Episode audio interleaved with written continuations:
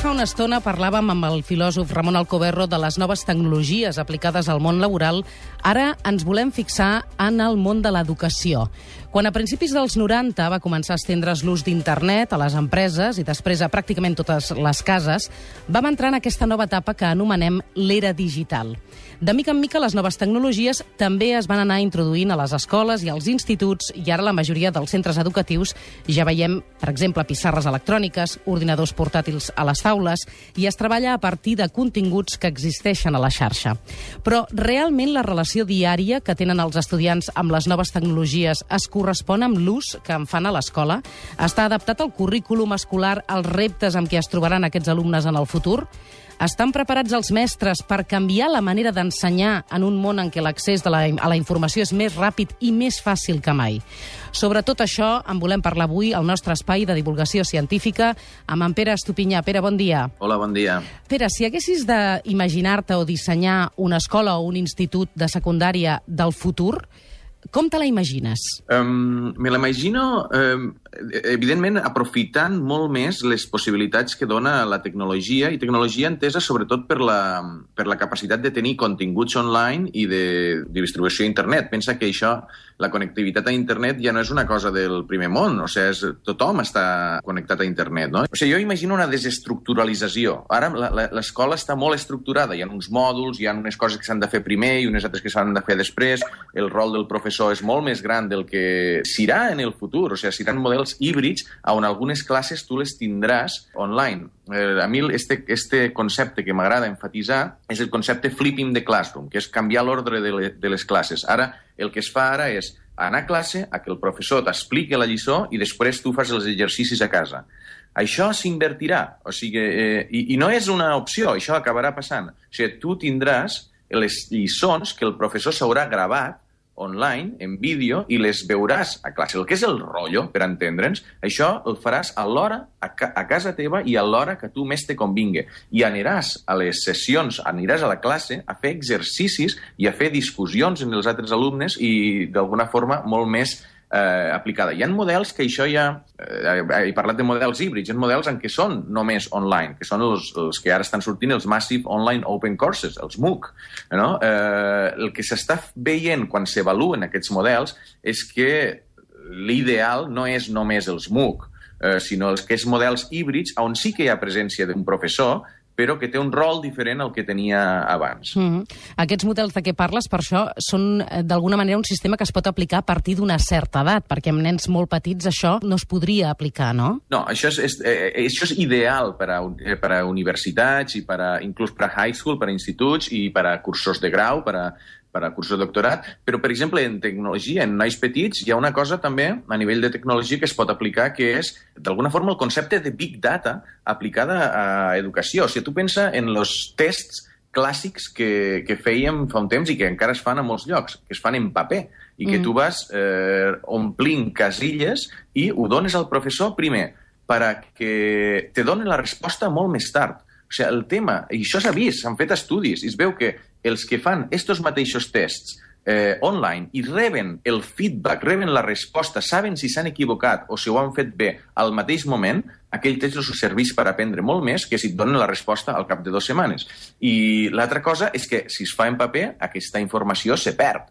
O sigui, se queda a un caixó. Llavors, d'alguna forma, anar incorporant online, totes, eh, digitalitzant totes les dades de com aquell eh, noi està aprenent, tu d'alguna forma vas a fent educació personalitzada. O sigui, tens dades d'evolució d'aquell alumne per a veure si és més fort en, un, en unes àrees que en unes altres, d'una manera molt més... Eh, eh acurada. Eh, mm. informada del que es feia tradicionalment només en les notes a final de curs. O sigui, seria com una avaluació molt més continuada, perquè a part que aquests informes eh, digitals també segurament el podrien eh, tenir els pares a casa pràcticament a temps real. Sí, però però no només l'avaluació, oblidemos l'avaluació, perquè l'escola està massa enfocada en l'avaluació i poc en l'aprenentatge. Uh -huh. Estos, este software el que et farà serà informar-te de quines àrees has de reforçar en aquell alumne. És fer una educació, un aprenentatge personalitzat. I això ja hi ha softwares eh, que ho estan fent, mm. i ja hi ha pilots que s'estan produint on tot ho fas on, online tot, i, i s'adapten inclús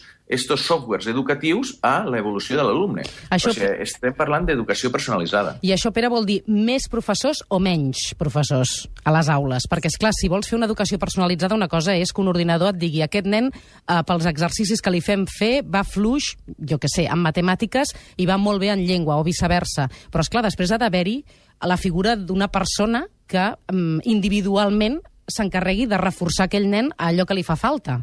O sigui que potser, sí, sí, potser sí, sí. en contra del que puguem pensar, caldran més professors i no menys.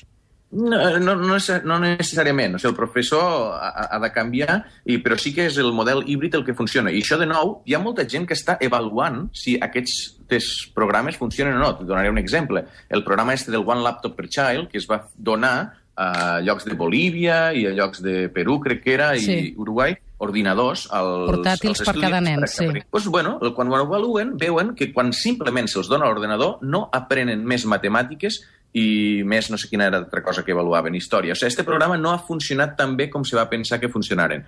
En canvi, quan s'han fet en, en models híbrids, quan sí que se'ls ha donat accés a aquestes tecnologies, però guiats o monitoritzats per un, per un professor, això sí que ha donat una millora radical tant del, del sistema tradicional com del One Laptop per Child.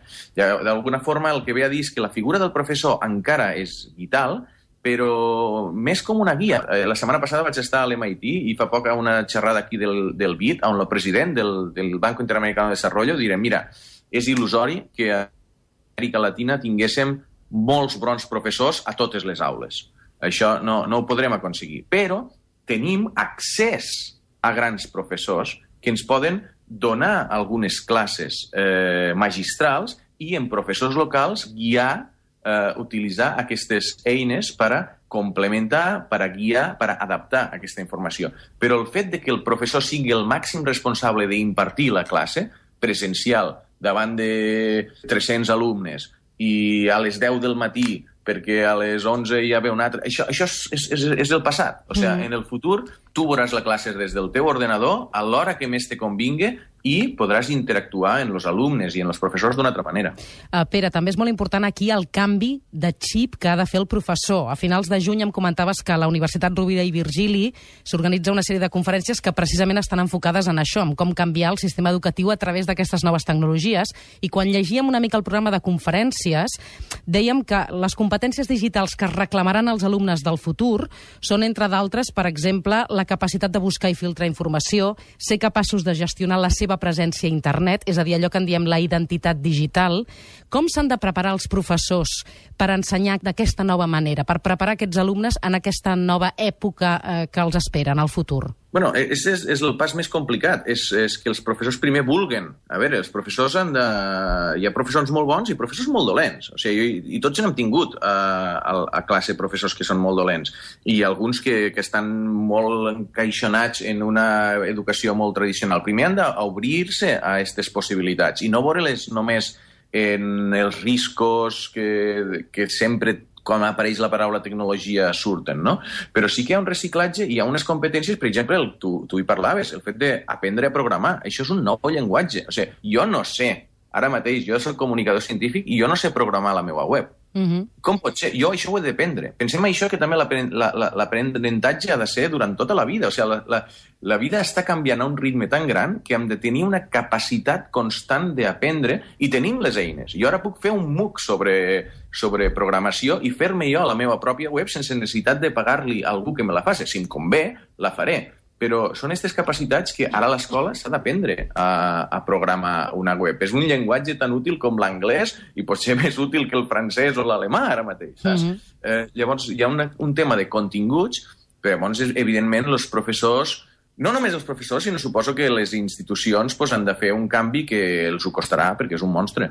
Uh, Pere, per acabar, dos mm, dubtes o dues sospites que en genera aquesta, aquesta nova forma d'ensenyar. En primer lloc, el tema de les desigualtats entre, sobretot, països que tenen aquestes eh, tecnologies i aquests recursos per eh, fer aquest canvi de model i aquells que no, i després a dins de les classes entre aquells nens que siguin més habilidosos amb les noves tecnologies i els que no, que es puguin quedar molt enrere. Aquest risc existeix, el d'incrementar no, no, la desigualtat?